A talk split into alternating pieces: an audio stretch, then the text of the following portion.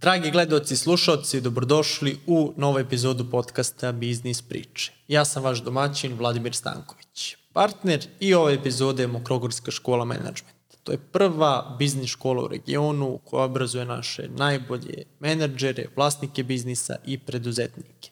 Prošle godine su pokrenuli program pod nazivom Bolji biznis, namenjen striktno preduzetnicima i vlasnicima malih biznisa – To je hibrid poslovnog obrazovanja, konsultinga, umrežavanja i rada sa mentorima. Stiču se konkretna znanja i radi se na vašem biznisu. Više o programu možete saznati na sajtu boljibiznis.rs, a tu se možete prijaviti i zakazati svoje konsultacije. Link se nalazi u opisu ovog podcasta. Danas u podcastu imam jednu veliku premijeru. U pitanju je momak koji je zajedno sa svojim stricem počeo da snima kuvanje u prirodi. Obilazili su lepote Srbije, tu pripremali hranu. Zašto je to bitno? Zato što je njihov kanal postao jedan od najgledanijih svetskih kulinarskih kanala. U Srbiji je prvi kanal koji je prešao cifru od milion pratilaca na YouTube-u. Iz te cele priče pokrenuli su i veoma uspešan biznis, a sve to sve to snimanje i sav taj sadržaj, a da nisu izgovorili jednu jedinu reč. U pitanju je moj današnji gost Aleksandar Almažan. Aleksandre, dobrodošao u Biznis priče. Hvala na pozivu. Je li istina to da niste nikad pričali, niste otvorili Tako usta? Tako je, nikad nismo. Ideja je bila, zapravo sve je nastalo iz zezanja, da kažemo, ali ideja je bila da fokus ne bude na kuvaru, nego da bude na hrani jer svaka kuvarska emisija prethodno je bila uvek da kuvar nešto priča, hrana je usput. To je krenuo Jamie Oliver. Jamie Oliver je, da, naj, najpoznatiji. Ja sam inače njega gledao kao klinac kad su bili subotom crtači. Ja sam menio uvek da nađem njega da gledam. To mi je bilo nekako ono, Jamie at home kad je krenuo. Ono što je... Da, da, da, da. Ovaj, kod nas je bila neka kontra ideja, ali ona se rodila kasnije. Mi smo zapravo to prvo krenuli da, da da kažemo, testiramo jednostavno da vidimo kako ćemo da radimo. Kad si vi spomenuo Jamie Olivera, sad se 2018. godine tvoj stric Boki je baš objavio da Jamie koji ima milione, produkciju koja vredi milione, vi ste ga sa kamerom od 200 evra i vašom produkcijom koja je u tom trenutku bila veoma skromna, prestigli po broju subscribera na, na YouTube. Tako, tako i po broju pregleda, ovaj, mi smo bili prvi kanal zapravo koji je krenuo u prirodi da, da, da kuva hranu, da sprema. I sad ljudi neće verovati. Trenutno postoje, ja mislim da ne znam, 300, 1000 kanala, koliko već. Ali u tom trenutku bili smo jedini. I vremenom krenuli su svi ostali, pa čak i on, pa čak i Gordon Ramsay da pravi emisiju u prirodi. Ja sad, ko je pratio, ko zna hronologiju, ovaj, znači da ko je pratio te emisije, da eto, jednostavno nije bilo pre toga. Zato smo ga i obišli. Zato ste vi promenili fokus. Znači, ok, nije bitan kuvar, ambijent je bitan i ta hrana koja se sprema i to do tada niko nije odlazio u šumu da, da sprema tamo klopu i da... Toga jednostavno nije bilo. To je nastalo iz neke priče, mislim, kamera je nastala slučajno, ja sam imao neki fotoaparat zapravo i sećam se kad sam birao fotoaparat, znam da je bilo dva modela, jedan je bio mnogo dobar za video, drugi nije bio. Ja sam bio u fazonu kao, ajde uzet ću ovaj drugi, nikad neću ja da snimam video, šta će to meni, kad ću ja time da se bavim, ali kao uzet ću, uzet ću tu, taj aparat. I to je stajalo, ne znam koliko, nije se koristilo toliko, radio sam neke fotke. I jednog dana smo rešili da, bili smo u šumi zapravo, kao i pre toga mnogo, mnogo puta. ja sam inače u Rusiji odrastao i kad sam ovde bio preko leta, mene je stric vodio stalno u šumu na neke izlete, spremali smo isto tako hranu. I mi smo poneli, jedan od takvih izleta je bio, poneli smo tu kameru i snimali smo, mislim da smo brali divlje jagode neke. To, je, to su bili neki prvi kadrovi zapravo. Šta si ti njega snimao? Jesi ti tad snimao, on je brao, to je ispremao? Da, ja sam to? snimao, samo što sam ja bukvalno prvi put uzao kameru u ruke, upalio video i sad ono, ajde kao, snimi kako to treba da izgleda, niti sam imao pojma kako se to radi, niti šta. I to je ušlo kasnije u neki film koji smo radili. A prvi, znači u prvoj verziji, verziji ga niste iskoristili, taj klip? E, ne, ne. Mislim da je, ne mogu tačno da se setim, ali prvi klip mislim da je bio neki lava kolač pravljen a, na žaru, pa je bio poklopljen tiganjem. Lava kolač u... Da, da, da, da. I šta si ti rekao stricu, ajmo, ti spremaj to, ja ću da snimam, da vidimo kako to izgleda. Tako nešto je bilo, tako smo se nešto dogovorili. Mi smo, on- mi smo prvo imali ideje da radimo, e, zapravo da bude više neko zezanje, da ne bude uopšte kuvanje, nego da pravimo neki humor, davno još. Međutim, eto, na kraju ta, tako je, tako je ispalo. I šta je bio taj, ok, imamo prvi klip, ti YouTube u to vreme, ajme da kačimo, šta je bilo? Pa bilo je, mi smo tada bili u Sremskoj Mitrovici ovaj, kod strica i znam da smo snimili taj jedan klip da, to je trebalo da se okači i sad ovaj, treba da se napravi kanal na YouTube. Ja napravio kanal i treba mu, ajde sad neki logo i treba mu naziv. I sad to oko naziva mi je bilo ono, kako to da se zove, mislim, to je odmah, odmah bila ideja, ne, ne znam kako drugačije. Isto sam bio u fazonu kao, neće to niko da gleda, kao, ko zna šta će biti od toga. Bilo šta da se napravi. Da, kao bilo šta nek se zove kao Almazan Kitchen, to je to. Je isto tako i za logo. Ovaj. Logo, Kako sam, si pravio logo? Logo sam pravio u nekom editoru, ono, gotovom, ne znam ja, neki naj, najprostiji. Ovaj. To sam uzeo i ajde kao isto, kome je bitan taj logo, kao da li će biti bitan, sad je bitan, pošto je robna marka registrovana i poznata u svetu. Ali vi niste menjali od tada tu prvu ne, verziju. nažalost ne. Taj logo sam ja napravio ovaj, skroz, skroz bez veze i mnogi dizajneri su kasnije nas kontaktirali. Kaže, ajde kao ljudi imate milion pratilaca, dva miliona, dajte molim vas kao, evo ja sam dizajner, radio sam te i te projekte, dajte da vam ja napravim logo da bude malo bolji, nije vam baš dobar kao. Ja kažem, nažalost ne. To je robna marka i neće moći da se menja. Znači, ne menja se, ali šta je još bitno tu? Ok, imamo logo, imamo naziv. Znači, u startu si znao, neće da bude kuhinja, nego kitchen, je li tako? Ciljamo strano tržište, je li tako? To sam znao sigurno, to sam zapravo čuo od, od PewDiePie, njega sam pratio tad. Uh, on, je, on je stvari izgovorio kao da youtuberi zarađuju mnogo novca. Ja sam tad saznao da se tu zarađuje uopšte novac, neki da to uopšte postoji. I onda sam malo googlao, naravno, video da razlika u zaradi oko 20 puta ako se radi sa Srbijom ili ako se radi strano tržište. I naravno da nisam ni... Mi smo stavljali tagove, ključne reči na srpskom, ali nismo nikad ciljali da, da budu u Srbiji gledaoci. I ti si to krenuo da kačiš, naravno niko nije gledao, niko nije toliko video. A, Šta se tu desilo? Kako ste došli do prvih, da kažem, tih pregleda i Pa jako, jako teško. jako teško. Znam da je drugi klip bio, stvarno je bio težak, bilo je plus 40, 1, 2, tako nešto je bilo. E, spremali smo neko pile na ražnju. To je bio prvi klip koji smo radili baš u prirodi, a, pored nekog jezera, tamo blizu Sremske Mitrovice. I sećam se da je jezivo je bilo vruće, menjali smo se, znači vrtili smo to pile ne znam koliko, tri sata da bi se ispeklo. Isto nismo imali iskustva kako treba snimiti, odakle, nismo tad znali da postoje ND filteri, da postoji oni za, da se pravi senka, nego ništa kamera i idemo. I to, to je bilo teško, posle toga smo radili, mislim da na Grzi nekoliko klipova i onda smo stali. U to vreme ja sam se bavio nekim drugim stvarima, Stric je radio o, freske. to, to je zanimljivo, da čime se on bavi isto. E, tada se bavio, tada sam ja sa njim ovaj nešto radio. Dobro, ja sam radio neke poslove, nisam slikao, nego neke proste Da, da, stvari da. kao ornamente i tako. Ali ste oslikavali ono crkve i... Da, ali on je radio baš ovaj, mislim, do, dosta, je, dosta je toga uradio. Sad, njega, nije što je moj stric, ali nema boljeg ovaj, umetnika za, za freske u, u Srbiji, definitivno, ne znam, i To ćemo da, da povežemo baš sa, sa tom produkcijom i sa tim kadrovima kad sad gledamo. Šta ste vi znali tada što, što se tiče kadriranja? Kako ćemo da snimamo sad to pile? Mislim, nije to samo uključimo kameru i snimamo, već ti detalji. Kako ste to vežbali? Ta prva verzija mogu da zamislim kakve su bile. E, to je već zanimljiv deo da nikad nije bilo nikakvog vežbanja zapravo. On nije mogao meni da pomogne sa kadriranjem jer je on uvek bio u kadru. A, nisam od njega, za, što se tiče kadriranja nisam dobio savete ovaj. A, to je nekako odmah išlo zapravo. Što je neverovatno odmah išlo. Čak i te jagode koje smo snimali prvo, ovaj taj prvi put kad smo snimali, a, to, to je bilo dobro. To je dobro izgledalo. I sad kad gledaš iz ove perspektive, kad premostiš, to je dobro. Čak i sad kad premostim dobre, na neki svoj način. Onda smo, evo sad radimo već sa kojom opremom, mislim, Sad je ludilo, pričat ćemo sad je i... ludilo da pričat ćemo, ali hoću da kažem da mnogi gledalci su rekli da im jako nedostaje ono što je bilo pre.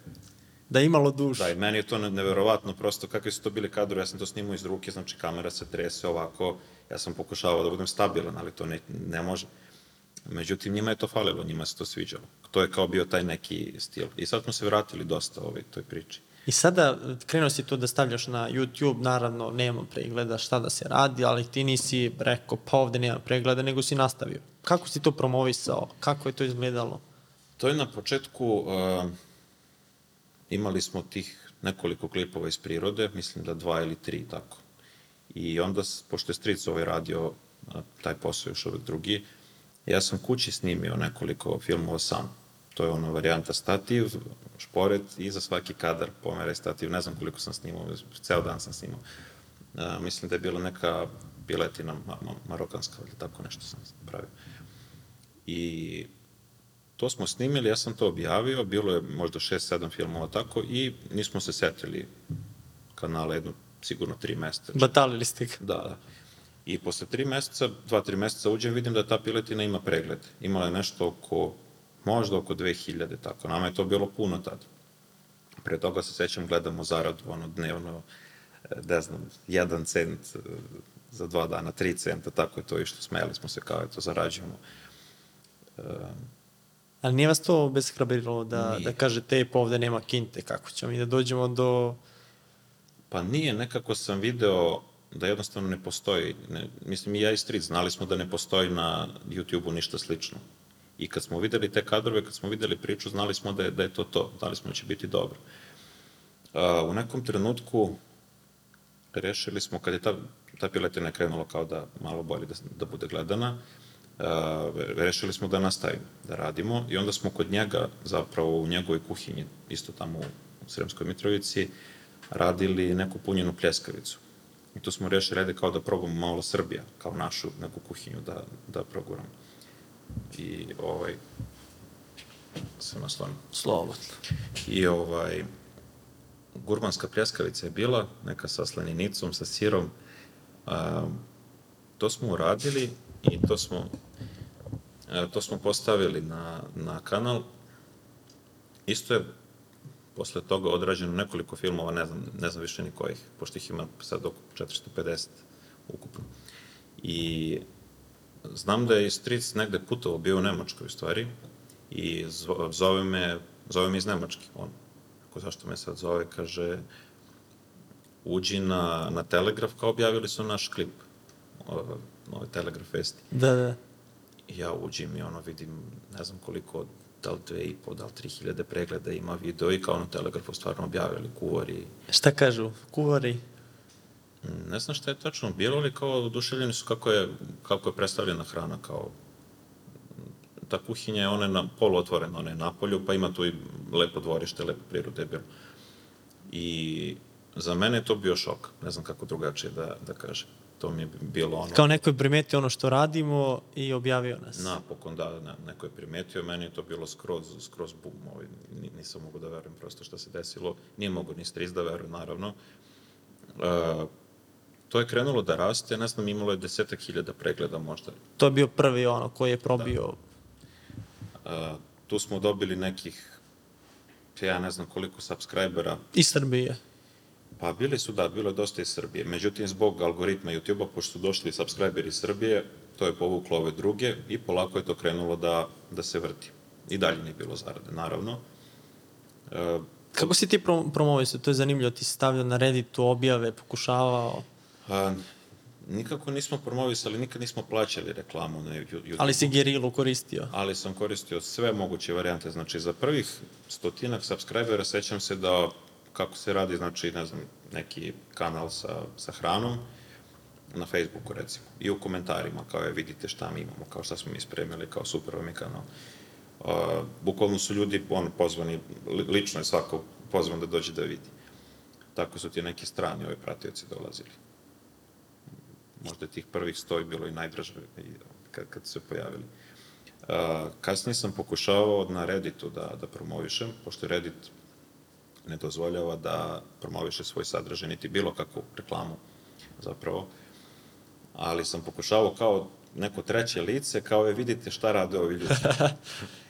I u nekom trenutku, da, prvi skok je bio ovo sa telegrafom, u nekom trenutku sam ovaj, a, spremali smo na grzi neke, to, to je bila neka neke kobasice i ono šumsko pile, one pečurke. Njih smo pohovali. To smo spremali, to je ono drugo jezero na Grzi, ne znam, a, ako si bio, znaju, znaju ljudi koji gledaju stalno. I došao je neki pas, slučajno, koji je bio skroz, ono, baš i mršav, bio stvarno do granice, mislim, rebra, ono, ispalo. I mi smo njega nahranili. I ja sam to, ajde kao da snimim, mislim, ne znam ni ja, prvi put smo to rešili da snimimo. Ja sam na Redditu to stavio na neku grupu, okačio i neki lik je to ripostovao. I stavio je, ali on je imao, on nije bio, ja sam bio banovan na svim grupama A on je. On nije, da. E, zato što sam ja pokušavao stalno reklamu i dobio sam bukvalno prvih par dana ban na grupi hrana na Redditu koja je imala tad 5 ili 6 miliona, odmah ban, znači automatski. I on je to objavio i napisao je kao spremili su hranu iz restorana i nahranili kao gladnog psa, to je stavio. E, tu je bio šok. Šta se desilo tu? Tu se desilo 190.000 pregleda za dan, a, subscribera, ne znam tačno koliko, ali jedno, da li 12, da li 20.000, da li 30.000, tako nešto, što je za tad bila cifra već Au. ozbiljna. Kreć, kreću pare. Da, i tu je krenula neka zarada, i sad opet nije bilo nešto nenormalno, ali je bila zarada već od toga. Onda se sećam da smo odlučili da radimo baš ozbiljno. Kao sad Je li ćemo- to bila prekretnica gde sad ulazimo 100% i radimo ozbiljno? Pa mi smo pre toga isto bili u tome da nećemo da stanemo, samo što je Stric bio u svom poslu, ja sam bio nekim svojim idejama. Od tog trenutka smo krenuli ozbiljnije. Prvi korak je recimo bio da promenimo objektiv. Mi smo pre toga imali kameru od ne znam koliko, oko 200-300 eura, ne znam koliko je plaćena I kit kamera. objektiv bio. Kit objektiv od plastike, onaj 18-55. Da, znači, da, da. Ništa prostije. A, tad smo kupili objektiv dobar, Šta ste uzeli dan? Uzeli smo a, 2470 f4 Canon. Njega koristimo i dan danas. On ima onaj makro mod koji je mnogo bitan. E, I po tome se razlikujemo od ostalih kanala. Niko pre toga nije toliko, ajde da kažem, Snimao te krupne kadrove i makro. da, ili- kako meni rekao Memedović, niko nije gurao objektiv u šerpu. Mislim, prvi, prvi koji je uzeo objektiv i stavio u šerpu i stvarno ono krčkanje, oni mehurići, ono krčkanje neke, one kožice, to niko nije radio toliko blizu. Jer za njih je, uh, jednostavno nije, nije u makru. uopšte Jasno, to. da, da. Tu smo isto bili prvi. Znači, tu smo isto, isto bili, ovaj, da kažemo, taj food porn, neki fazon. I taj objektiv, odmah prvi video kad smo objavili, to je bilo na Grzi, radili smo neki svinski biftek i neki hleb, ovaj, kao tortilju pečenu na žaru. Sećam se odmah razliku. Ovaj, mislim i dan danas taj klip postoji, može da se vidi. Uh, sećam se razliku kad smo videli sliku kako izgleda, još se tad pogodilo svetlo, da je pod dobrim uglom, radili smo na nekom kamenju, to je ispalo izuzetno dobro. I ti subscriberi koji su došli, došli su onako, eto, da nas podrže zbog tog psa i zbog te priče, nisu znali da ćemo imati kontent. Kad su videli taj klip, e, onda su krenuli da hvale ljudi da govore, wow, kao koliko je dobro, e, onda smo krenuli baš ozbiljno da radimo. E, onda sve manje, o, stric, mislim da je tad čak i prestao da, da radi ove freske, da smo krenuli radovno da snimamo. Kako izgleda taj proces? Ti a, ne osmišljaš, već ideš, snimaš, kako smišljate šta ćete da pravite, šta ćete da, da spremate tog dana, lokaciju, kako izgleda to planiranje? U tom trenutku smo radili tako što se sretnemo u, u restoranu ujutru, pijemo kafu i onda kao šta ćemo danas? Ajde, kao hoćemo to, to i to, recept je taj, taj. Odemo, kupimo namirnice i išli smo samo na Grzu. To nam je bilo, kad smo u- Paraćinu bili, to nam je jedino mesto koje je, da kažem, ima, ima dosta na Grzi tih mesta gde može da se, da se iskoristi. I što se tiče snimanja, uvek je sve bila improvizacija. Znači, nikad nismo imali neku ideju kako će to sada, gde će da bude kamera koja je kadar uvodi, ne. Nego dođemo na, na mesto gde snimamo, imamo te neke namirnice koje imamo i to je to. I onda krene, bukvalno krenemo da radimo bez, ne, bez neke, da kažem, ne, nije bilo pripreme. Koliko su trajala ta snimanja? Nije to jednostavno. Treba spremiti to jelo od... Pa uvek smo radili, jedan slučaj ima kad nije uspelo, jel, samo jedan, a uvek smo radili sve iz, iz prvog pokušaja, posebno na početku. Nije bilo da smo nešto snimali ponovo, posebno. Trajalo je ne, ne baš dugo. Dosta kratko, ovaj, mislim da sa nekih sat vremena smo uvek stizali da uradimo to. I ko je radio tu montažu prvu, u prvoj verziji? Radio sam ja i montažu i promovisanje. Generalno sve vezano za kanal, ovaj, to, to je bilo moje montaža je bila mnogo veći posao nego, Nego snimanje. nego snimanje. To na početku je bila naivna dosta i prosta, e kasnije kad, kad je krenulo da se radi ozbiljnije, onda je montaža postala baš ozbiljna. Si tu krenuo da učiš montaže kako ide i... Sve sam morao da učim paralelno. Ja sam naravno onda već kad smo krenuli da se bavimo time ozbiljno, krenuo da gledam tutoriale na YouTube-u, hvala Bogu to i ima, ima toga dosta. I onda sam neku akademiju gledao za, za film, ovaj, neki kurs, to sam završio, bio među vremenu. Dosta sam gledao da napredujem u tome, znači koliko god je moglo da se napreduje, da, da nešto naučim. E, montaža isto išla paralelno, Bro, broj ljudi je ja- rastao na YouTube kanalu i sad u kom trenutku ste vi dobili, ono da kažem, i zaradili smo od YouTube, od ovoga što smo radili, ono prvi put da mi najslađe bilo da, da ste zaradili od toga, da je neka potvrda tog vašeg rada, pored tih brojke na YouTube-u, da ste dobili, evo ga, neki novac koji smo mi podigli i to je, ono, se sećaš tog trenutka? To je bilo pre četiri godine, evo pokušavam da se setim, ali znam da je postojao neki limit na Google-u sa isplatom. Valjda si morao 700 dolara da zaradi, ili 70, ne 70 dolara u stvari. To je bila prva, prva uplata. Jeste odmah ovom psu uzeli hranu koja Da, vas pa je... ni- nismo ga, nažalost, videli više, ali... Um, bilo je, bilo je, to je krenulo naglo zbog tog naglog rasta subscribera, ovaj, i postepeno je raslo posle toga. Nije bilo nekih skokova, do, dosta dugo. Ja ne mogu tačno da kažem ka- kad. ali, ali je to ono što je probilo. Prvi put kad su vas objavili, drugi put kad su prihvatili to objavu na Redditu, ali ti umeđu vremenu i kada nisi imao taj rast, ti si pravio te klipove, pravili ste te klipove, kačili, nije bilo rasta, ali niste odustajali, pa sad nema efekta i samo vidiš dva puta da se desi ili jednom da se desi tako nešto, a ti umeđu vremenu nisi odustao, rekao je pa ja neću da radim. E, tako je bilo, evo sad sam se setio, pošto je to bilo davno, ja sam zapravo toliko u priči sa brendom da sve to oko YouTube-a već krenulo da, da mi malo izlazi iz glave. E, imali smo trenutak kad je stric našao u dvorištu sovu, pale sa drveta mala sova, bila je, mislim ima tih klipova i dalje. Jako je bila smešna, jako je bila zanimljiva i mi smo krenuli da snimamo, ovaj, stavili smo je pored i ona je gledala baš sa interesovanjem to kuvanje. To je, to je bio sledeći skok. To je bio sledeći skok, ovaj, ta sova imala na nekoj socijalnoj mreži, ne znam koja beše, neki kratak klip, samo kako ona gleda ovaj, u avanu, kako se meša sos. Imalo je nešto, da, da, da li 10 miliona, da li 20, da ne znam. ja. To je najgledaniji na YouTube u vašem kanalu, jel? Jeste? Pa ti klipovi sa sobom jesu. Jedan klip ima koji smo radili uh, neko pile pečeno u dubokom ulju, prženo u stvari.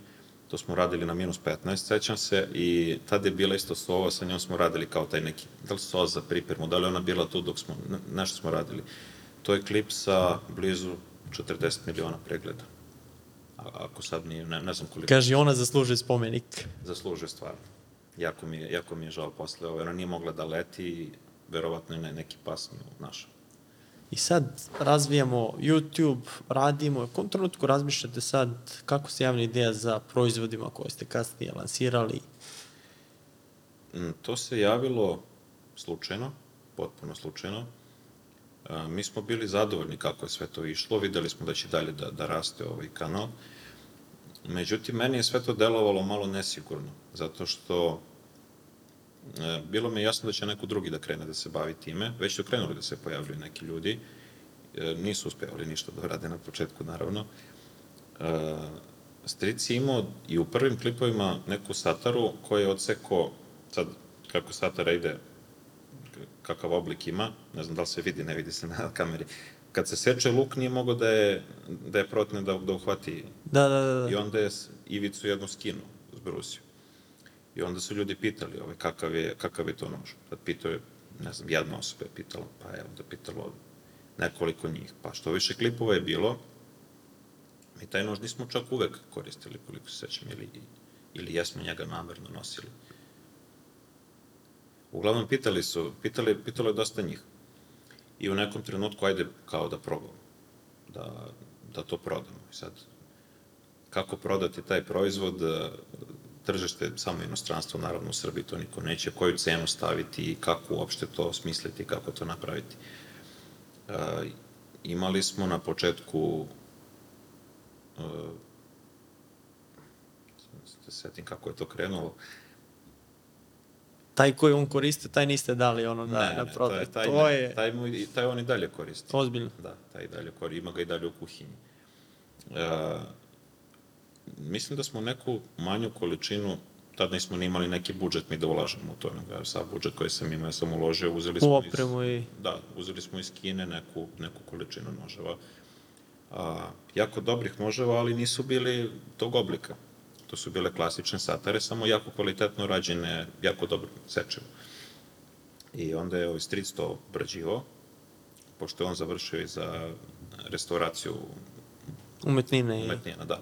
Onda je znao i sa drvetom kako da ono, ručicu obradi, da patinira, da isto, da je napravi oblik da bude drugačiji. Jer e, ni- nisu bile okrugle Da, da, da. ivice, on je to znao sve da uradi. I to je stvarno bilo ono, handmade, znači radio on na tome, a ja sam radio prodaju. I sad kako raditi prodaju? Nismo imali website, naravno, a, nego je na Facebooku bio link, e, na, na YouTube je bio link, ako nekoga zanima nož, pišite na Facebook. I dugo ljudi nisu mogli da, da skontaju kako da, da dođu do toga i na kraju, eto, javilo se nekoliko njih na grupu na Facebooku. Ta grupa na Facebooku isto je rasla, mi smo tamo objavljivali klipove, ne znam koliko imala pratilaca, ne puno, ali ljudi su se javljali. I ja sam na te poruke odgovarao, sećam se baš da imao sam bukvalno šablon poruke, znači kad se neko javi, tačno je ono ispisano kako, što kraće, što, što bolje. Ja to pustim i ako neko odgovori, onda krenem sa njim ono, klasičnu prodaju i, i tako smo prodali ne znam koliko, Kako ste odredili tu cenu u startu? Kako- da vrednujemo ovo? Kako da bude skupo, jeftino? A, vrednuli smo otprilike po tome koliko bi u Americi koštao taj rad koji Stric posvetio, posvetio toj obradi. Tamo je po satu majstor koji se bavi time, ne mogu tačno da kažem, ali si- sigurno nije, Jeftino kao ovdje. nije jeftino da ne, ne može možda bude 1000 dinara sigurno. I tad je cena bila, mislim da 250 eura. Jer nismo imali futrole na početku, bili su samo noževi. I tako je to krenulo. To je, to Ta je, mala serija koju ste napravili. pa ta mala serija od nekih deseta komada, da. To se prodalo... Kad ste to se- prodali, jeste bili kao, pa ovo ide dobro. Pa ja sam za tu prodaju skroz bio u šoku, zato što mi... Nisi verovao? Da, to već nisam verovao. I to nisam ni znao da li će da ide, zato što mi malo nije bilo jasno kako, kao, zb- zbog čega bi sad... Zašto neko kupuje naš nož Da, za zašto neko 250? kupuje nož. Onda smo shvatili, onda sam krenuo da čitam o brendiranju, krenuo da malo da, da razmišljam. I onda sam shvatio ovaj, da, mislim ne shvatio, nego kao što je pisalo u knjigama, da brand je, a, kad neko kupi naš nož, on, on hoće taj delić, da kažem, Vaše priče, doživljaja. Da, naše priče, to kuvanje, jer on recimo sedi u, u Njujorku u nekoj zgradi u ofisu i njemu fali da bude u šumi. I on kad kupi taj proizvod, on je malo dobije neki, neki deo toga. E, u tom trenutku ja sam to shvatio, ali ne baš toliko još. E, kasnije, ovaj, Kako je izgledalo to sad? Vi ste to, taj doživlje prvi, kako ste to pakovali? Jel ste imali neku specijalnu ambalažu, taj doživlje, ili je to bila improvizacija, ta prva verzija? bih da kažem da smo imali, ali nismo. nismo imali ništa. A su se javljali ti ljudi koji su kupili nakon toga? Jesu, jesu. E, imali smo jako velikih problema sa dostavom i ti noževi su stizali, a, pošto je to karbonski čelik, ti prvi modeli su bili, baš su dosta karbona imali u sebi, jako lako su rađali. Inače, karbonski nož kad se preseče recimo limun, ako se ne očisti odmah, zarađen mora da se održava. Mnogi to nisu ni znali, ali dešavalo se recimo da pokisnu pošiljke. I naši noževi su se čekali šest meseci. Šest meseci neko čeka. Šest meseci su ljudi čekali, plaćali su unapred, sve 100% avans, i ovaj, čekalo se zato što nije ih bilo jednostavno. Ručni rad je bio, bila je mala količina, mislim, nije, nije to moglo ništa da, da se uradi oko toga. I onda posle šest meseci nekome stigne nož koji je slomljen, ne znam, pokisto, zarađao ceo, znači skroz pre, prekriven. i ljudi kao šta je ovo? Šta kako da je? radimo? Da. A nekome je stizalo, mislim, kome stigne normalno, on bude oduševljen, kao kaže, stvarno top. A, onda smo imali, da, pakovanje je bilo improvizovano, znači, samo neke kutije da to može da, jednostavno da ide. Onda znam da smo bacili daske u nekom trenutku, e, imali smo saradnju ovde u Srbiji sa, sa jednim proizvođačem, to je manje problema bilo, to nema Tu nema šta da se- zarađa. Da, da, samo su one bile teže, pa su bile skuplje za slanje. E, A u, u kom trenutku si rekao ono, Boki, ajmo sad da dižemo to, ne znam koliko možeš ti da napraviš, koliko ti treba za taj nož, ajmo sad da širimo to, ako ti ne možeš, ajmo da tražimo neku opciju. Jeste vi realno mogli da prodate to, ali niste mogli da napravite. Mi smo imali u nekom trenutku problem što su ljudi toliko tražili tih noževa, znači bilo ih je stotine, stotine, stotine, ne znam, ako ne i hiljade, a mi smo, nismo imali nikakvu količinu, da. A, krenulo od toga da sam se ja iznervirao, jer sam video sajt i, i trenutno postoji nekih ovaj, oni su zapravo indusi iz Amerike e, koji su krenuli nas da kopiraju i koji su objavili da smo mi, da su oni prvi, da su oni zapravo smislili taj proizvod, a mi smo kao kopija. I zove se isto Almažan. Zove se Al Almaza Knives, su se zvali. I ovaj, tada još nije bilo robne marke, ja mislim, da kad su se oni pojavili. Znam koliko se stric bio iznervirao oko toga. Njemu je to bilo haos, znači skroz. Skroz da idemo u Ameriku da ih nađu. Da, nismo ni znali da su oni iz Amerike prvo. Samo su se pojavili i baš su onako pisali o nama, ne znam, svašta je bilo tu, kao da smo ukrali proizvod, da je to loše, da nije kvalitetno, da svašta je bilo. I tu sam rekao, e, kao, sada ćemo da radimo ozbiljno, sada ćemo da vidimo da, da ovo bude stvarno, da se prepozna. Da, nakon toga sam odlučio da registrujem robnu marku. Onda sam predao, predao sam u jednu agenciju preko interneta sam našao za Evropu i za Ameriku. A, robnu marku sam registrovao kao kombinovan, znači kao logo i wordmark i Da, da, da, logo i ime. da, spojeno. To je trajalo nekih 6-7 meseci, dobili smo taj trademark na 15 godina. U Srbiji smo isto to uradili. E sad nije bilo načina da se zaštiti Oblik sad noža. još oblik, to, to kasnije. Čim se pojavila robna marka, e, krenuli smo da razmišljamo da, mislim i tog trenutka kako da proširimo priču i uspeli smo da nađemo iz, iz Kine neku ozbiljniju malo ovaj, količinu, e, da kažem da bude, nije, nije više bio taj kvalitet zapravo, bio, bio je slabije, slabije kvalitet. Ali količina je bila veća. Količina je mogla da bude bilo koja, ali to je već morala da krene firma da radi, jer nismo više mogli da radimo, ovo je bio kao fizička lica, Da, da, nešto da. ograničeno, ne, jednostavno ne postoji način da se radi tako. E, otvorili smo firmu i krenuli smo da uvezli smo te noževe, e onda kad su stigli, jedno 30% nije valjalo, ostali koji su valjali imali su neke sitne stvari koje su morali da se poprave, ali su opet bili satara, opet nisu bili tog oblika. Opet je Boki morao da prepravlja. Da, i e, nije Boki više. A nije? Nije više Boki, ovaj, to smo isto rešili, ali nismo hteli da u, u Kinu da uopšte dajemo taj oblik, da dajemo Kinezima da oni pokušaju da proizvedu. Da ga ne iskopiraju.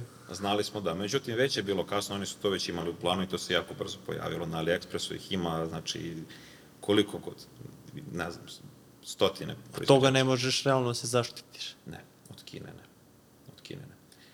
A, što se tiče Amazona, ti naši, da je nazovi konkurenti koji su bili, pojavilo se još mnogo njih koji su pokušavali, međutim ovi jedni su baš bezobrazni, oni se i dalje zovu Almaza Knives, ako ne smiju tako da se zovu, čak su u jednom trenutku stavili Almaza Kitchen Knives. I oni su to na Amazonu prodavali, tako da sad u procesu je sa njima da se to reši. ovaj. Sad je tu tužba, a? Da, pošto tamo imamo ovaj firmu u Americi i sad će da krene prodaje preko Amazona isto, tako da ćemo sa njima to da, da rešavamo. Gde sam stao. Šta je bio tu najveći izazov kad ste krenuli da uvozite sa te veće količine? Nešto valja, nešto ne, treba da se prepravlja. Ko je to pre prepravljao? Kako ste našli te, da kažem sad, ljude? Tu već krenula ekipa da se širi. Pre toga bilo vas dvojica, sad ubacujete ljude sa strane, da kažem. Pa ozbiljno se širila ekipa, imali smo futrole već tad, proizvodnju futrola, kojih je trebalo dosta. To je ručni rad bio, mislim i dalje, ali... A, prvo su radile, bile su fabrike koje su radile sečenje uslužno, pa neku obradu, ali sve to bilo jako teško da se, da se izvede, da to bude kvalitetno, da dobro izgleda. I mi smo tu neku prvu turu iz Kine prodali. Imali smo još jedan model noža koji je sad, sad ga ima u Srbiji, limitirana serija. On je malo drugačiji, on je bio od, od inoxa, mm -hmm. taj nož. A, posle toga smo ovde u Srbiji polako krenuli da, da smišljamo kako možemo da... Evo ga Boki zove Boki. Kaže, gde si, treba da se snima. Da.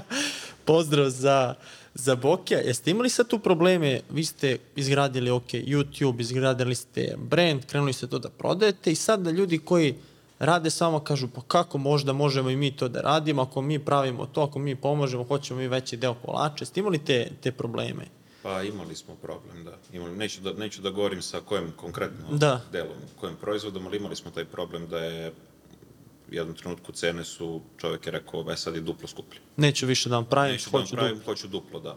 A cena je već bila dobra i sad, jako je bilo, mislim, nemoguće je bilo objasniti da ti jednostavno ne možeš da prodaš proizvod. Mislim, probaj ti prodaj nekome dasku za 150 eura na, preko interneta. Zašto bi je ti prodao? K kako? Da, da. Mi smo tad već imali brand, mislim, to se razvilo već, ta ideja. Ali to, to nije uspevalo da, da se... Kako ste to rešili? Onda našli ste novog Menjali smo samo i našli smo bolje. Našli smo bolje i uspeli smo da dođemo nekako do toga da se nože i proizvode u Srbiji.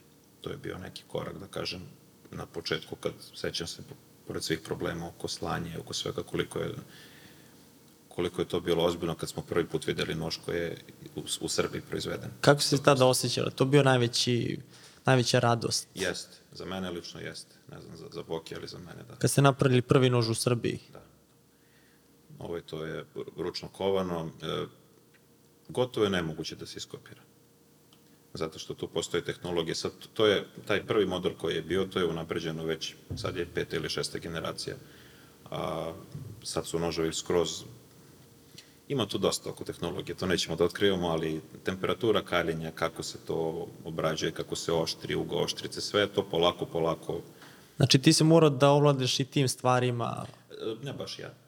Ali si morao da znaš opet da su to stvari Morao na kojima da se radi. Neke osnovne stvari, ali da, to, to su ovaj proizvođači ko, koji se ljudi bave time, da. a sad kad uzmemo taj razvojni put gde krećete, imate kameru sad od 200 evra, pravite tu radionici noževe i sad za svega par godine si mogu prvo da zamisliš u toj fazi prvoj gde ćete vi završiti, da li ćete raditi samo YouTube, jesi mogu da zamisliš da ćete vi sad biti ono brand koji ima svoje proizvode? Nik, nikako nisam mogu. Uh, onaj prvi klip kad je Telegraf objavio, znam da sam seo na motor, sam bio stvarno u šoku, seo sam na motor i samo sam ono krenuo. Vozim i razmišljam kao šta će sve da bude, kako će sve to da se sklapa. Stvarno je bilo na kraju tako. Bili su to milioni pregleda i ta pažnja i to sve. Ali ovo za brand nisam baš toliko očekivao da će da, da bude. A trenutak kada ste na YouTube prešli cifru od milion subscribera, je se toga sećaš? Toga se sećam, imali smo onaj countdown, onaj timer, pa smo gledali, to nam je bilo drago dosta. Mislim da je bilo, ako ne grešim, bilo je blizu nove godine. Ne znam tačno koje godine. Da, bilo nam je drago. Ali ste bili prvi u Srbiji generalno sa pravim ljudima koji su prešli to. Zvanično, to ne može da se dokaže, ali zvanično da. Drugi kanali su bili, bilo je dva kanala, ali oni, oni su plaćali pregled. To može lako da se vidi po broju pregleda i količini lajkova. E su kupovali samo pregled ili su kupovali i subscribere? A, pa mogu subscriberi lako da se kupe. To je, mislim, to je ne, ilegalno. Da, da, da, ali vama to ništa nije značilo... Ne, ne, nama nije to značilo, nismo nikad. Jednom smo probali neku reklamu, 10 dolara smo uložili kao da vidimo kako to ide i nismo. A ti kanali znam da su, da su kupovali. Jer se videlo i po broju pregleda i po, baš po analitici se vidi lepo kako. Mislim, o, osnovno, ne može klip da ima recimo 3 miliona pregleda i 1000 lajkova. To, nešto, nešto smrdi tu. Jednostavno nemoguće, da. Tako da jesmo bili prvi, da. I sad imamo proizvodnju u Srbiji, nož je doveden do savršenstva, kreće izvoz, šta kažu ljudi, odakle ljudi najviše naručuju? To Amerika? Amerika i dalje polovina. Polovina ovo ide, ide za Ameriku. Dosta ide za Nemačku, ne znam iz kog razloga, oni su oni su nekih možda 17%. 18%. E su to Nemci ili ovi naši gastarbajteri? Većinom su Nemci, ali ima, ima i naših ljudi. Ima naših ljudi iz Amerike, nekad se desi, ali ovaj, Nemačke drugo mesto. Da li ide, ide po zemljama, ne znam, Kanada, sad mno- mnogo ljudi uopšte nije ni znalo, iako znaju za vaš kanal, nisu znali da, da je to, da ste vi ljudi iz Srbije. Koliko ste vi uradili za branding, jer su tu milioni pregleda, vi snimate u prirodnom okruženju, šumama Srbije, ljudi to gledaju, pitaju gde je ova lepota, šta je ovo, koliko ste vi uradili u stvari za branding Srbije, jeste razmišljali o tome? Jesmo razmišljali, ali to neće moći nikako da se na- nama vrati, ne znam, ispromovisali smo Srbiju ozbiljno. Ozbiljno. Je li on došao neko i da kaže, e, ne znam, ili iz države, ili neko kaže svaka čast što ste odradili ovo za iz turističke organizacije? Nisu. Nisu, koliko se sećam, bilo je nekih drugih ponuda, ali to ne. A šta mi je rekao Memedović kad smo malo prepričali? Sa njim smo se jednom videli ovde u Beogradu, hteli smo nešto da, da snimamo i nismo na kraju. Ta, tako se, to je davno bilo. To je bilo na početku, tad smo imali ne znam koliko, koliko saba dalo, oko 200.000. Ali, po ništa hvalio je priču. Svidelo mi se, to je njegova, njegova priča, šuma, Da, priroda. sli- slične su priče, ja sam njega gledao isto boki i gledao više.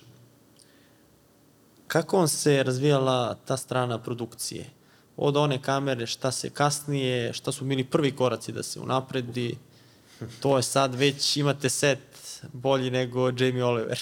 Imamo, e, to je bilo, to su bili za mene neki izazovi ozbiljni, zato što ta roba je morala, mislim, ti proizvodi su morali da se poruče iz inostranstva u Srbiji, to nije moglo da se kupi.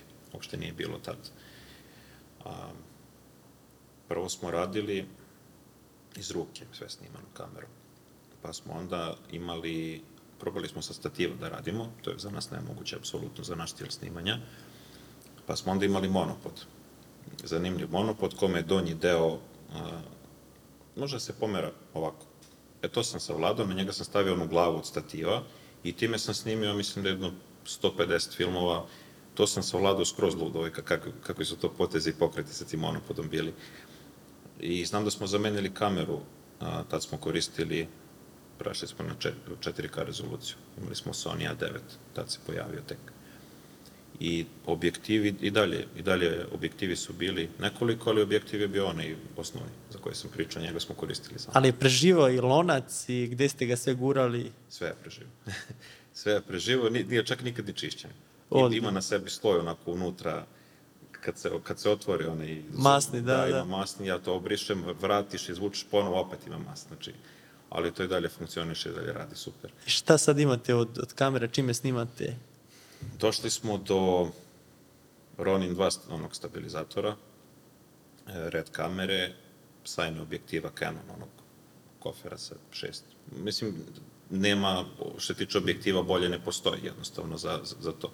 Pravim objektivi, 14, 24, ne, nije ni bitno, uglavnom ti ti koji, koji su potrebni.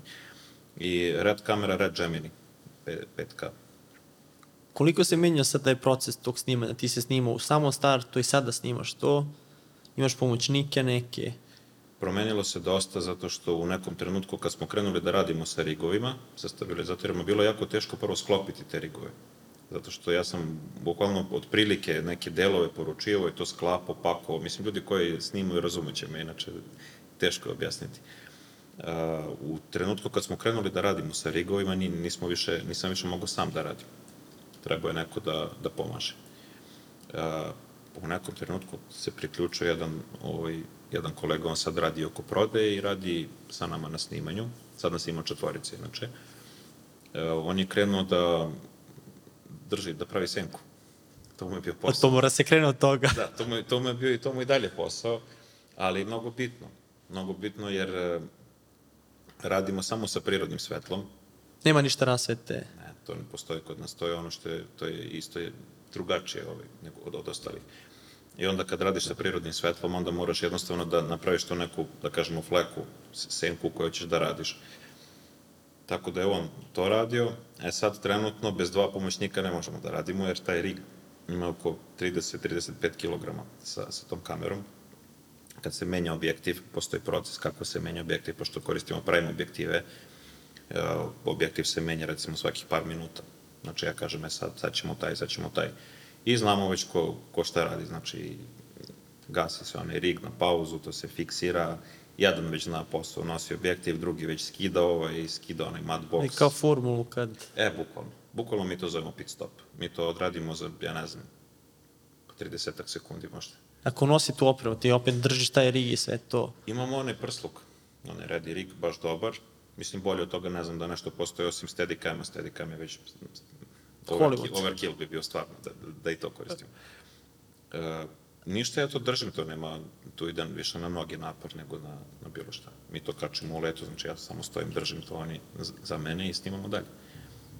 I dalje Boki radi ono njegov posao, znači on sprema to, reže, ti hvataš te kadrove. I dalje je sve isto, kolege jedan drži svetlo, drugi senku, onda smo krenuli da koristimo svetlo u nekim trenucima. Uveče kad snimate ili? Ne uveče, ne uveče, preko dana. Jer kad se napravi senka, onda treba neki deo da se, da se osvetli. Sad, zavisi koje svetlo, kako ima tu načina. Spomenuli smo, znači, većina se snima u prirodi. Kako nalazite te lokacije? Ili imate neku spremnu listu ili... Pa imamo neke stare lokacije, redko ih menjamo. Sad smo dodali dosta novih u zadnje vreme.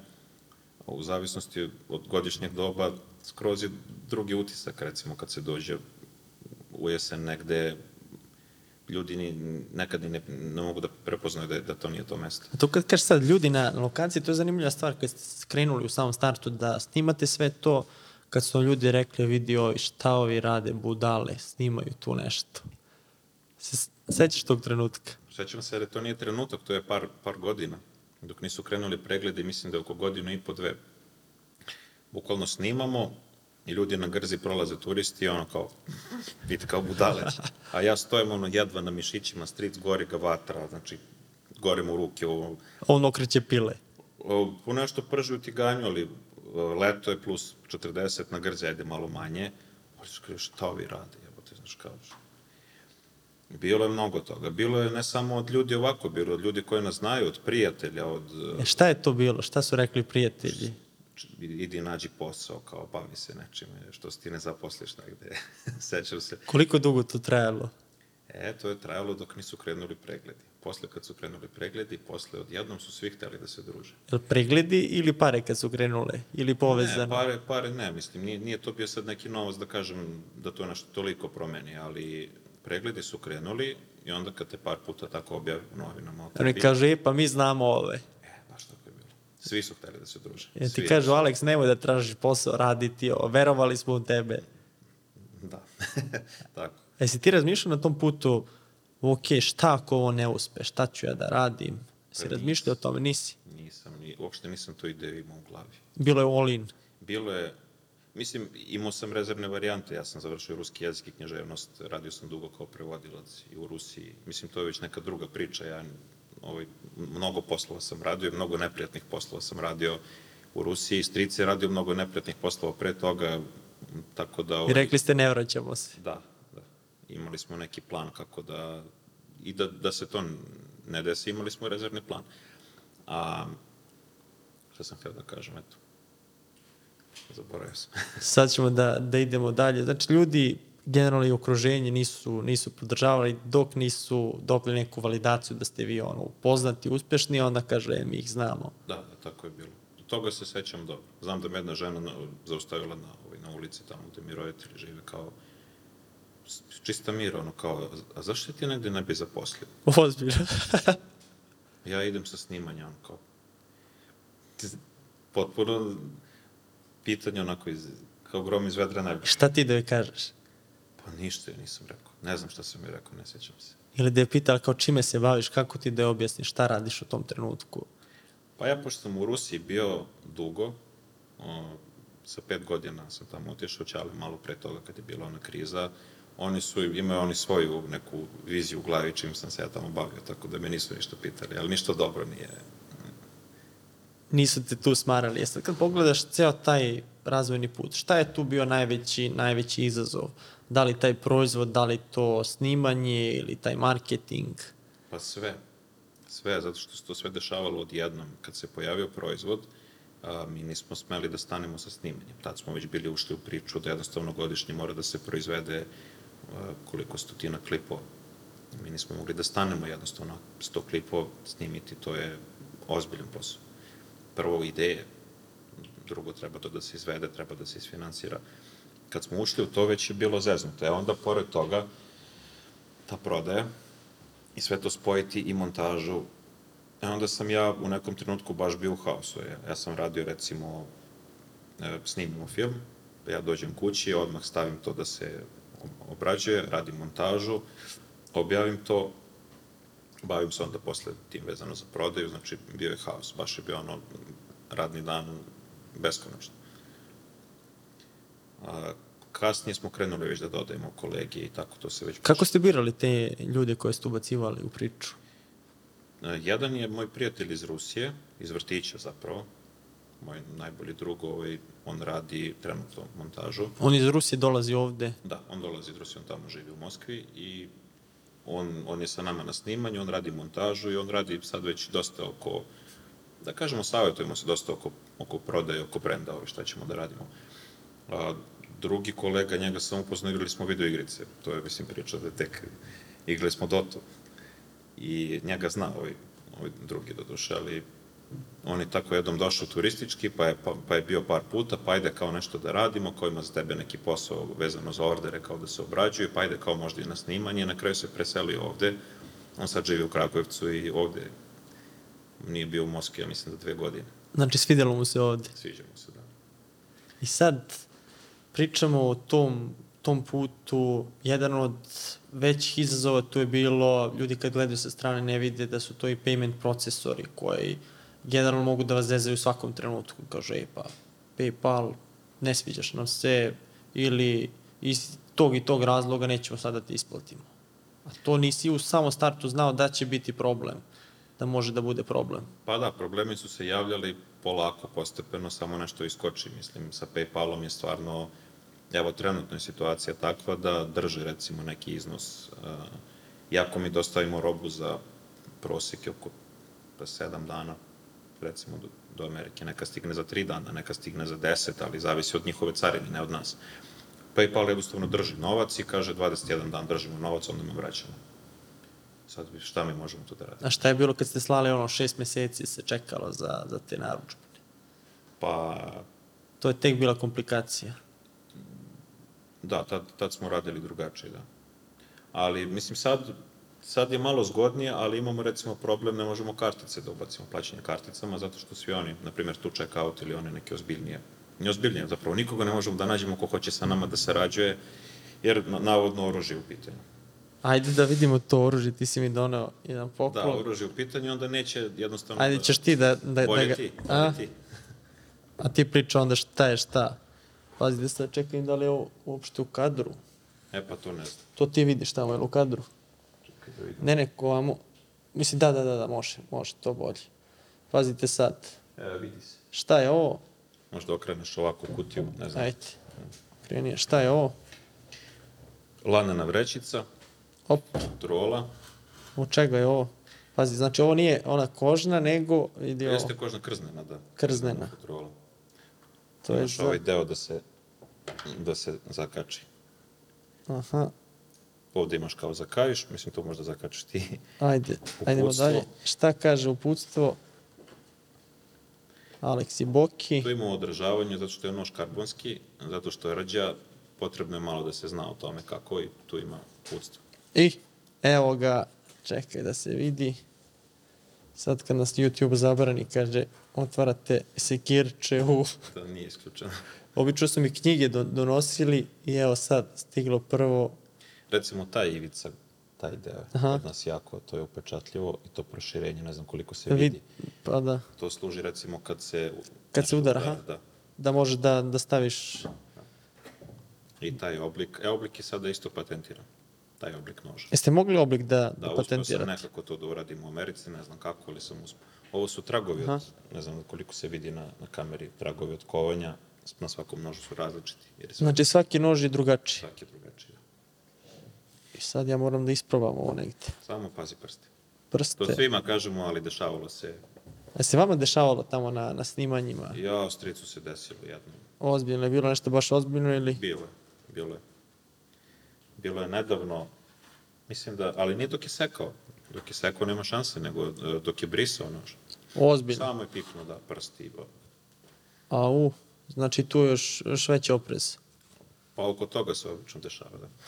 Čekaj da spakujemo ovo lepo. Što se pakovanja tiče, ne znam u kom trenutku tu kutiju sam smislio da bude crna. Oko toga sam već ja radio kad Evo ga logo, ko nije, ko nije video logo, tu je Paradise. To je taj strašni logo koji neće više nikada da se menja. Sad se ljudima i sviđa. E sad vidiš to, ok, taj logo bi bio nebitan i sranje da vi niste izgradili brand. Vi ste izgradili brand, dali neku vrednost tom logotipu i sad to, taj logo upečatljiv, priča priču, a u suprotnom i da ga najbolji dizajner radio da vi to niste izgradili, ne bi bilo ništa toga. Ne bi uredilo, da. Trenutno, mislim trenutno, ajde da kažem unazad nekih možda godina i po do, do dve godine, meni je ovaj, krenulo malo da, da mi, krenuo sam da razmišljam da bi trebao da odvojim brand od YouTube-a. Bar, barem da pokušam. Da ne budu kupci noža samo ljudi koji gledaju kanal, već da nekako to baš bude posebna priča. E, iz razloga što nisam bio siguran da, da koliko će YouTube da traje, jer sam video koliko se kanala pojavlja, video sam da ima konkurencije, video sam i krenuo sam preko reklama, znači sa Facebookom i ono kako već ide da, da, da to odvojam. Ja ovo sada mogu da kažem da YouTube jako loše ide nama, zato što pojavilo se mnogo kanala, pojavio se TikTok, gde ljudi jednostavno samo listaju i za par sekundi dobiju ono što im je potrebno, neće niko da gleda video 10-15 minuta. Onda tržište, mislim, zasiti se jednostavno. Koliko klipova, koliko kanala ima, mislim, ljudi se začude, mi smo, ne znam, na na koliko hi, hiljade, hiljade to mesto, te tri, četiri hiljade to mesto, ne znam nija, po broju subscribera. Kanala ima mnogo više. U celom svetu. Da, kanala ima mnogo više nego što ljudi misle, mnogo više kuvarskih kanala i mnogo više... I to kvalitetnih, ne ono bez veze kanala. E, da kažemo, te konkurencije, recimo na TikToku ima e, njih koji su se setili malo pre da krenu da rade TikTok. Uh, oni imaju dosta pratilaca sada. A TikTok, mislim, koje mogu da zamisli, to je prvo bilo, zna se šta, ono, ljudi igraju, snimaju Gluposti, znači, pa da. Nema veze sa hranom, nije imalo veze. Sad smo krenuli da radimo i TikTok, imamo neki, imamo jedan klip sa pola miliona pregleda. Uh, uglavnom, YouTube se, ne da se gasi, ali sad je slabiji, mnogo slabiji nego pre. Hvala Bogu na vreme, opet sam uradio isto kao i robnu marku, isto kao i, i te, te noževe. Ovaj, na vreme sam razmišljao o tome i sad se brand već drži posebno. Znači, mnogi ljudi koji kupe uopšte ne znaju za kanal, zapravo za kanal saznaju posle. Kad... E, to sam hteo da, da te pitam. Ti prodaješ i tu priču, sto ljudi koji gledaju vaše doživljaje, kupuju deo toga i sad ovi ljudi koji kupuju iskočim reklama na fejsu, ne znaju vašu priču, a kupuju. Kako to? Mnogo slabije ti ljudi kupuju nego oni. A opet moraš njima da ispričaš priču ubrzanu da bi oni kupili po toj ceni i dobili taj ceo doživljaj. Pa to je taj cold reach audience, da kažem. E sad, bilo je jako lako to uraditi pre, recimo, godinu dana, da kažemo, godinu i po. O, onda se pojavilo sa Facebookom ono da će da uvodi i Apple, ono iOS 14, ono promenu. Da. I posle toga krenulo da bude baš teško. Mislim, to znaju svi ljudi koji se bave prodajom online, krenulo je da bude baš problema i baš doći do tih ljudi je postalo skuplje jednostavno, mnogo skuplje. A gde vidiš to tržište za, ne znam, pet godina, da će biti ultra teško? To ne mogu da predvidim. Ne mogu da znam šta će da se desi. Razmišljao sam o tome, ali imam neki svoj način kako pratim rezultate trenutno na Facebooku, jer jednostavno jako čudno funkcioniše. Jeste probali da radite, jel vi to sve radite ili ste probali sa agencijama? Sa... Agencije, agencije su radile. Radile za, uh, jedna agencija iz Amerike je radila prošle godine, ali oni su radili za procenut od budžeta i onda Amerikanci kao Amerikanci, ajde mi, kao idemo, idemo, idemo. Ja sam rekao, ajde malo Stani usporite, malo. stanite, onda se pojavilo, pojavio taj problem sa, sa ovaj, iOS-om i oni nisu imali nikakve rezultate par meseci. Mislim, prvo su nešto imali, pa onda ne, ja sam rekao, ajde kao, ne, nećemo više, onda sam radio sam reklame, sad radi ovaj drugi, druga agencija, rade, mislim, fino, zadovoljan sam. Samo što opet eh, potrebne su neke moje, kako da kažemo, to su te neke odluke, šta ćemo da radimo, u kom trenutku, šta da reklamiramo, na koji način. A, svi vizuali koji se odrade, a, videoklipovi, on, ono što si rekao, da se privuče pažnja ljudima koji ne znaju za to. Ti imaš 3 sekunde da to radiš na, na internetu. Znači njemu negde iskoči ta reklama, ti imaš bukvalno 3 sekunde da mu zgrabiš pažnju kako to da izgleda i I on tu ne pravi razliku da li je sad onaj Almažan e, Indus ili ste vi, ako njemu prvi put to iskoči. Ne pravi, da. E sad, opet da kažem, jako su čudni Amerikanci. Prosto neverovatno da ljudi kupe i da nama pišu, e, mi smo kupili od vas nož, stiglo nam je i šalju nam sliku nekog, neke gluposti. Mi kažemo, ali to nismo mi. Evo naš logo. Naš... Da, da, da, i šta kažu? Pa ima onih koji kažu, ne, to ste vi. I, Mi znamo. ima i takvih, da. Ali, mislim, dešavalo nam se. Je to ono kao kad neko kupi fake Rolexa pa šalje Rolexu ili... E, tako nešto ispada. Tako nešto. I šta ti tim ljudima da odgovoriš? Mislim, jesi ih pitao, ne znam, gde ste kupili, po kojoj ceni? Pa mi znamo ko, ko nam je ta konkurencija, sad nisam baš siguran kako konkurencija preživljava ovaj, ovaj period sa, sa cenama za reklamu. Jer Jer oni nemaju YouTube kanala da vuku... nemamo YouTube kanal, kod nas je posebno u našoj priči, posebno to da smo, pa da kažemo, jedini brand koji je ima sam za sebe besplatnu reklamu na YouTube-u koja je skroz drugačija. Mislim, cela ta priča oko kuvanja i toga stvarno je jedinstvena. I nas to drži. Mi opet imamo prodaju da ništa ne reklamiramo, opet organik dolazi dnevno koliko subscribera, gleda filmove, opet mi objavljamo nešto, to se vrti i ljudi kupuju. A oni nemaju tu mogućnost, oni moraju da plate reklamu. I sad sa ovim promenama nisam siguran baš kako posluju. Šta bi ti sad uradio da si na njihovom mestu, da ulaziš u biznis, praviš neki proizvod, međutim ti nemaš taj besplatan saobraćaj, već moraš da se snalaziš. Pa mnogo prosto kontaktirao bi Amazon Kitchen i rekao bih hoćemo da budemo preprodavci, kao što su neki uradili iz, iz Finske, recimo, iz, evo u Rusiji sad trenutno. To sam da te pitam i za Rusiju, kako ste tamo, pošto je tebi to blisko. A, Rusija slabije ide prodaje zbog uh, klipova, ne, ne gledaju se toliko, ali ima, ima prodaje po Rusiji. Ja sad hoću da, ovaj, mislim, cilj mi je da uđem u, u retail, i u Americi, i u Rusiji, i idemo, idemo prema tome. Rusija će biti prva, verovatno, pošto tamo dosta imam, ipak sam tamo bio, znam, Da, da. znam taj, kako se to kaže, Pa prostori ljudi Prostor, da. generalno. e, ima ljudi koji su normalni jednostavno i koji kontaktiraju, hoće da rade, da budu preprodavci. Nema ih puno za sada, ali neko se seti, tako to im je jedino, jedino pametno i normalno što bi mogli da rade. A za Amazon, koja je tu priča? Da bi te odabrali, to jest da bi prodao preko Amazona. Amazon je komplikovano, treba tamo da se otvori kompanija, jako je teško da se izvede onaj fulfillment njihov, da se to organizuje.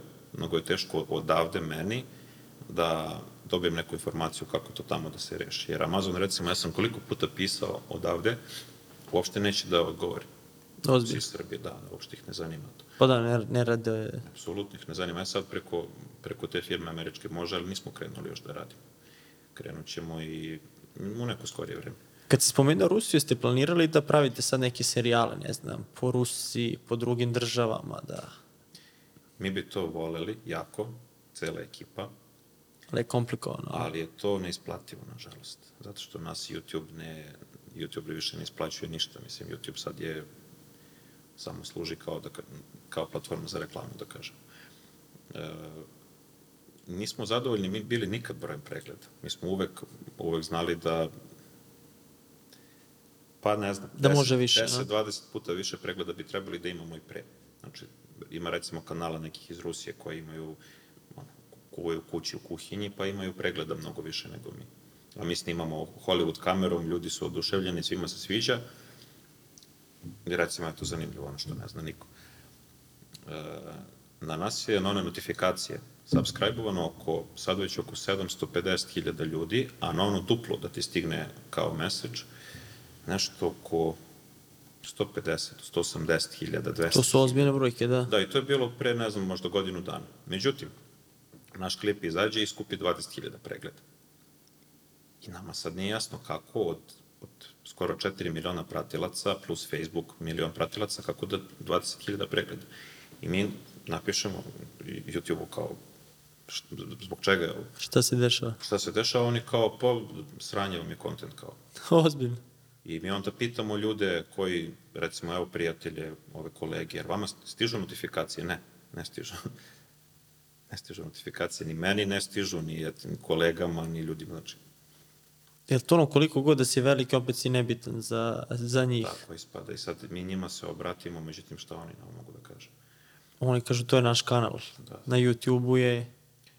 Bukvalno od njih zavisi koliko ćeš ti imati pregleda, znači oni tebe promovišu, onaj suggested i mi imamo, ne znam, procenat 98% like is dislike ili 99, ne znam nijakoliko. Ali jednostavno oni nas ne, ne drže tamo gde treba. Od samog početka, je sad u zadnje vreme posebno. Tako da bi mnogo hteli negde da putujemo, da snimamo, da pravimo još bolji sadržaj. Imali smo mnogo ideja, ali jednostavno nije isplativo, nažalost. Znači YouTube, a za, šta bi bilo da, da je publika iz Srbije, da primate još ono 20 puta manje, Pa ne bi opstali. Ili savjetuješ ljudima, što je, šta im savjetuješ ljudima koji hoće da pokrenu YouTube kanal u bilo kojoj niši, šta im savjetuješ ono, samo preko, Pa opet zavisi. Opet zavisi šta je u pitanju. Ima i u Srbiji uspešnih youtubera. E, ali su tu milioni u pitanju. Jel moraš da imaš milion da bi pa moraš. pravi? Moraš. Mislim, i to je dosta, dosta se radi o sponzorstvu i o nekim drugim načinima da ti zaradiš. Teško da će od YouTube-a da, da, da zaradiš mm, pre da budeš neka javna ličnost, neke promocije. Pa da to naplatiš. Da, pre tako. Šta bi dao savjet sad onoj verziji Aleksa sa starta karijere, kad ste tek krenuli da snimate, koji bi savjet volao da si tada znao i koji bi te ubrzao? Jesi razmišljao o tome? Ono što sad znaš, koliko bi bilo lakše da ti možda neko bio tu da te posavjetuje šta da radiš, a ne da ti pričaju kao vidi ga ovaj snima gluposti. Pa, možda jedino oko izbora opreme. Ne znam, ne znam zaista šta, šta bih menjao u tom procesu. Ne mogu da se setim. Jel bi možda nešto, ne znam, ubrzao, usporio? Mislim da ne. Mislim da je sve jednostavno tako išlo tim tokom kojim je trebalo da ide, da, da ne, ne znam. Da ste spremni. A sad tandem, tvoj stric stari dosta od tebe, kako se vi slažete tu što se tiče rada od samog starta? Kako je bilo raditi s nekim iz porodice? Pa super je to bilo, ovaj, mi smo na početku radili, ajde da kažemo, e, sl- sličnu količinu posla smo imali kasnije, on jednostavno povukao se dosta iz priče, njega nije toliko to ni zanimalo. Realno sad ja vodim to, mislim. Na mlađima sve to ste, ali to? Pa tako, ja ni ne znam za taj izraz, pošto sam iz Rusije, ali dobro, Ta, tako ispada, da. On ovaj, trenutno kuva, znači njemu je, da kažemo, kao glumac je. Koji se ne pojavljuje, stavlja masku Sad i se pojavlja. sad se pojavljuje. Sad se pojavlja. E, pitao si me bio kada. Ja mislim da ima možda godinu, godinu i po dana kad smo krenuli da snimamo lice. Je, vole da vide, mislim. Teramo ga da se smeje, njemu se ne smeje, nekad gori ga vatra, vruće mu, ne znam. Ali treba da se smeje, Ali mora da se smeje, kao ajde Boki mesi testo i smeši sam kao, hmm. Pa nije vam ono praktična žena da pravi u studiju, da Zvali sprema. su nas tamo, nećemo, ni- nismo bili. Kaže, možete ako dođete u šumu, a? Da, baš tako. E, ja to vodim realno sad. Ja je ovaj, to je ostalo. Kako izgleda tvoj sad radni dan? Šta se tu radi? Jel imaš nešto isplanirano svakog dana na isto ili zavisi od snimanja i... Zavisi od toga da li je sezona snimanja. Sada ne snimamo, mi smo tako isplanirali da mm, ne radimo kad je zima. Iz onog iskustva kad smo snimali na minus 15, to je bilo, mislim, dođemo, ja i stric raspakujemo stvari na jednom ćebetu, daj brže kuvaj za 15 minuta i kući znam prstene, ne osjećam ono kako je bilo.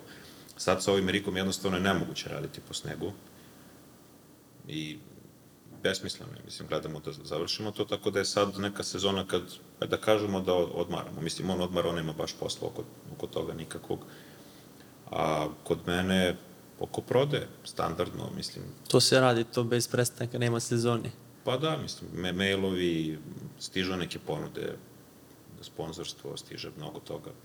Treba da se prati kako ide prodaje, kako idu reklame, neke nove ideje, nove, novi proizvodi, mislim. Jel imaš nešto što bi otkrio sada, šta se radi, na čemu se radi? A, ne. Ne, znači, Ne. čekamo sledeće, sledeće pojavljivanje pa da vidimo šta je, šta je to odrađeno. I sad rekao si, zimska sezona ne radi se, ne snima se, međutim, vi imate sadržaj. Koliko toga mora da bude spremno, sadržajno, nasnimljeno, da biste vi mogli da izgurate tu zimsku sezonu? Mm, Trenutno objavljujemo jedan video nedeljno, pre smo objavljivali dva, ali smo isto shvatili da se to ne isplati, mnogo je veliki napor raditi dva filma. Visoko produkcija, sve to. Stvarno nije, isplativo jednostavno. Skontali smo da je zbog reklame sasvim dovoljno jedan, ali imamo snimljeno recimo do, do juna. Do juna sledeće godine vi ste snimili. Da. To je ono što niko nije mogao, gde niko nije mogao da nam priđe, to je Boki priču, mislim, to, to je istina zaista, e, kojom brzinom smo mi radili, kako smo, na, kad smo dvojica bili, koliko je nama malo vremena trebalo da mi dođemo, snimimo i odemo. Mislim, tih sat vremena, to je stvarno, onda smo čuli ponude, ne znamo, televizije, neko nam je nudio kao snimamo serijal, 12 epizoda, Boki pita, pa dobro, koliko snimate? Kaže, pa snimamo kao ove godine to. Kaže, kako ove godine? Pa kao imamo tako se sezonu, kaže, da snimamo ove godine za sledeću 12 epizoda. Mi ona... vi za 12 dana snimite... Mi smo snimali u jednom trenutku kad su bili, baš kad je taj pas bio kog smo hranili, snimali smo četiri filma dnevno, jer smo hteli na more, nismo imali klipove, i dva dana smo radili, sećam se, po četiri filma. Ali su bili prosti, a sad mo, ponekad radimo dva. I šta radite s tom hranom? Ili jedete posle ili... Pa ja, pošto treniram, e, ređe malo jedem, pre sam jeo sve, uh, jedem, naravno, jede ekipa. Bude to dobro, u većini slučaja bude dobro. Jesi imao ljude od kojih si učio, koji su ti pomagali, mentorisali, da li su to mogu da budu ljudi, knjige, odakle si skupljao to znanje? Knjige, knjige. E, za, za snimanje, jedan lik postoji, ovaj, Amerikanac, on ima YouTube kanal, sad je već postao baš poznat, se beše zove. Poznati od vas, a? Pa... Nije U još. svojoj sferi, da. O, bože, kako se beše zove? Ma nema veze, naći Nije ćemo bitno, pa. ovaj, kod njega sam, neki kurs je bio. I kod njega sam taj kurs odgledao i kod njega sam prvi put video za reklame za, za Facebook. Jer je on imao nešto o kursu isto. O svom kursu je pričao, pa je pričao o reklamama i od njega sam prvi put video. Tad je nastao onaj video kovanja noža koji je napravio Boom. Tad je u stvari krenuo brend da se razvija kad, kad smo to objavili. Ko je video kovanja noža? Koji vam ide kad krene klip ili na reklami? Ne, imali smo, to je bilo, mislim, do 2019. godine, da smo snimili u, u kako se kuje nož. Ovaj. Mislim, fora je bila neka muzika, na, fejsu ima sad taj klip, muzika ono, gospodar prstenova, tako mi je palo na pamet i lik je bio sa bradom, taj kovač. Naravno, neko je on, ali za, za Ali priču, bio, da. njega sam snimio. To je toliko dobro ispalo da sam ja to objavio, ovaj, to je skroz napravilo bum, znači, za, za crni petak. Jesi, Baš. jesi spremate, koliko se unapred spremate za tako neke stvari, na primjer Black Friday, to postoje neka priprema ili znate da ćete tada napravite boom ili ide random? Sada već godinu dana se spremamo, zato što smo svaki crni petak ostali bez noža. Prethodno, ja, sada ne, zbog ove reklame, zbog ovoga što se dešava sa reklamom, ne.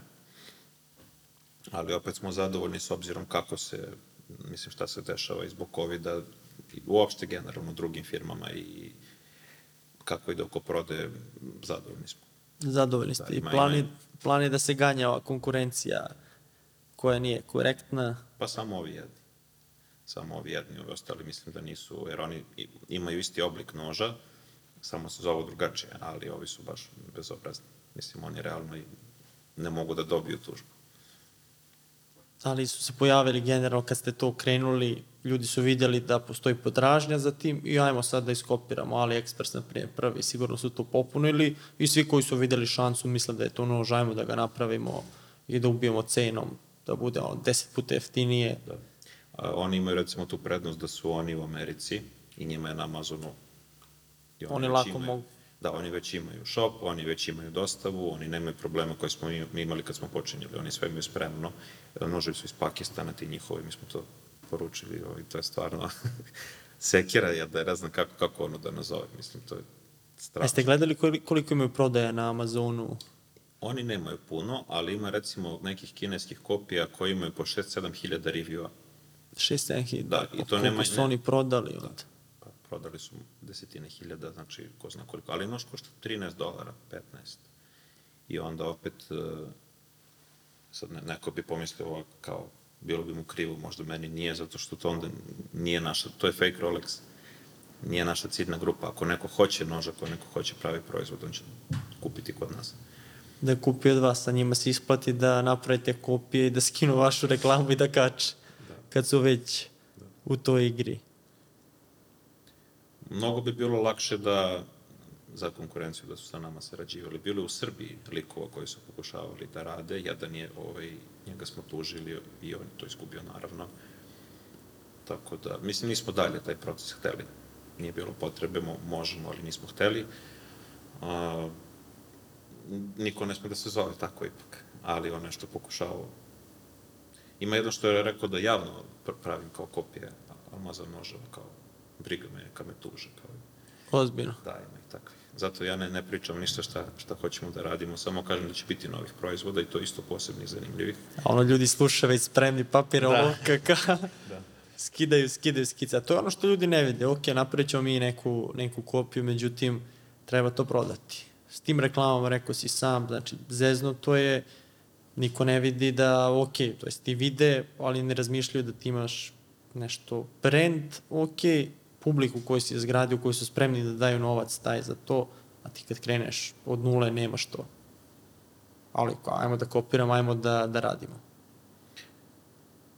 Um, Ne, ne znam kako oni razmišljaju, nije, nije, mi to, nije mi to jasno. Sad, ispričali smo se jedan zanimljiv preduzetnički put koji je krenuo od ideje, došli smo do kraja razgovora, ali imaš nešto, to jest šta je ono što te nisam pitao, volao bi da podeliš, uzmi obzir o, to da ovaj razgovor slušaju i mladi preduzetnici, i stari ljudi koji tek razmišljaju da uđu u biznis, šta bi ti njima sada, sada poručio, neki od saveta, Kupite naš nož.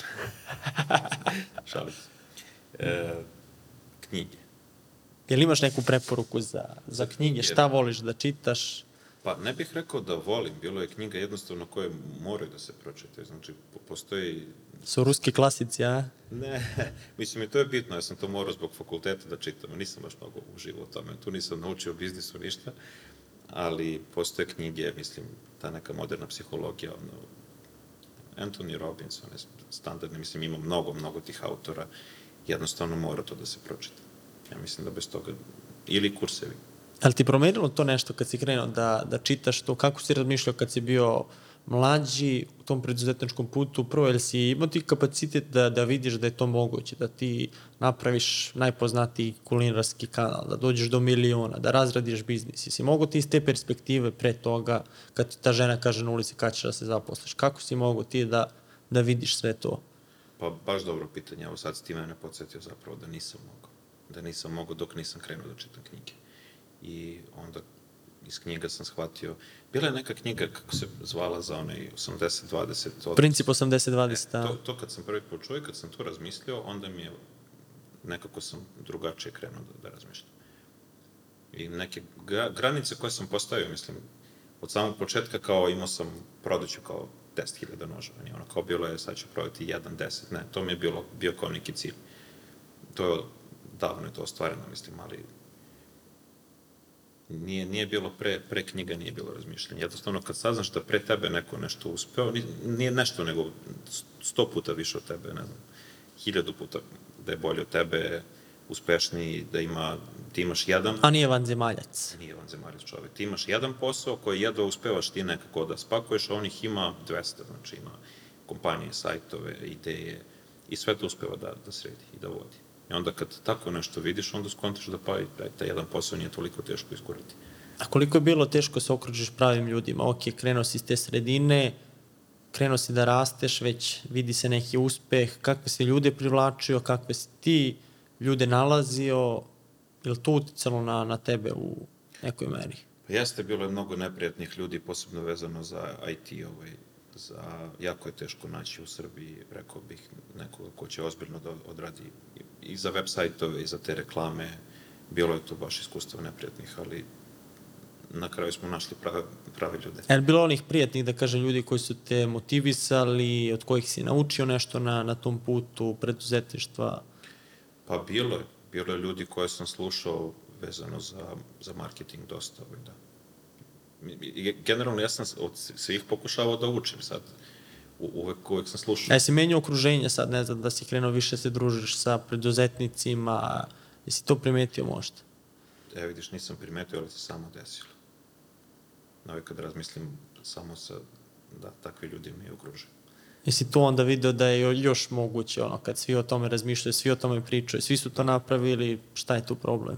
Da, verovatno je tako i bilo, nisam, nisam vraćao pažnju. A, smo ga izvukli, ja. Da. Idemo.